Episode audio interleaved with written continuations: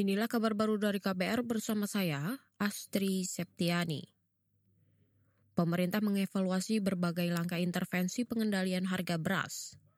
Menteri Dalam Negeri Tito Karnavian mengatakan, upaya intervensi itu belum efektif menekan lonjakan harga beras. Tapi sekali lagi harga beras dari Badan Pangan Nasional tadi maupun dari BPS itu masih naik trennya. Oleh karena itu kita melihat mungkin perlu kita memang menguji, mengevaluasi langkah-langkah intervensi yang dilakukan selama ini apakah cukup atau tidak. Artinya kalau ada stoknya sudah digelontorkan belum untuk banjir ke pasar. Kalau seandainya sudah, kenapa belum juga memberikan dampak untuk menghentikan atau menurunkan menghentikan kenaikan harga beras. Menteri Dalam Negeri Tito Karnavian mengklaim sudah mendapat laporan dari Bulog bahwa stok beras mencukupi, namun kenaikan harganya belum juga bisa diturunkan.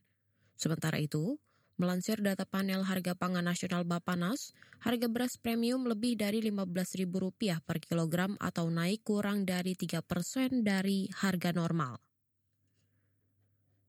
Saudara kita ke informasi pemilu. Kabar pemilu. Kabar pemilu. Badan Intelijen Keamanan atau Baintel Kampolri menerbitkan surat keterangan catatan kepolisian atau SKCK untuk bakal calon presiden Anies Baswedan. Juru bicara Polri Ahmad Ramadan menjelaskan, hingga saat ini Baintel Kampolri sudah menerbitkan 4 SKCK untuk bakal capres-cawapres. Keempat SKCK tersebut diterbitkan untuk Ganjar Pranowo, Muhaimin Iskandar, dan Prabowo Subianto. Sebelumnya, Komisi Pemilihan Umum mewajibkan peserta pemilu melampirkan SKCK sebagai salah satu persyaratan.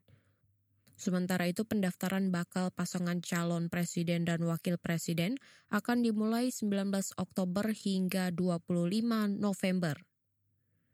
Saudara kita bergeser ke DKI Jakarta. Pengadilan Negeri Jakarta Timur menilai sidang kasus dugaan pencemaran nama baik oleh terdakwa Haris Ashar dan Fatia Maulidianti tidak terkait dengan hak asasi manusia. Ketua Majelis Hakim PN Jakarta Timur Cokorda Gede Artana mengatakan tidak mengizinkan untuk menghadirkan ahli dari Komnas HAM ke muka persidangan. Uh, kami hargai, Bapak Saudara ya, uh, persidangan ini tidak ada hubungannya dengan HAM gitu loh. Jadi apa yang didakwa oleh jaksa umum itu adalah jaksa pasal-pasal yang ada urusan dengan HAM. Jadi kalau saudara minta pendapatnya Komnas HAM sini, ini persidangan ini bukan persidangan hak asasi manusia gitu loh. Ya, ini tempatnya pun bukan di sini kalau memang persidangan HAM itu. Itu di Jakarta Pusat. Itu tadi Ketua Majelis Hakim Cokorda Gede Artana. Sebelumnya, Kuasa hukum terdakwa Haris dan Fatia mengajukan agenda kembali untuk menghadirkan Komnas HAM sebagai ahli dalam sidang lanjutan.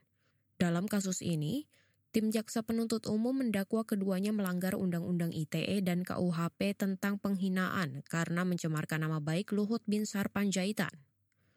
Kasus ini bermula karena keduanya disebut telah menyebar berita bohong perihal keterkaitan Luhut dalam bisnis tambang di Intan Jaya, Papua pada kegiatan siniar video di YouTube. Inilah kabar baru dari KBR bersama saya, Astri Septiani.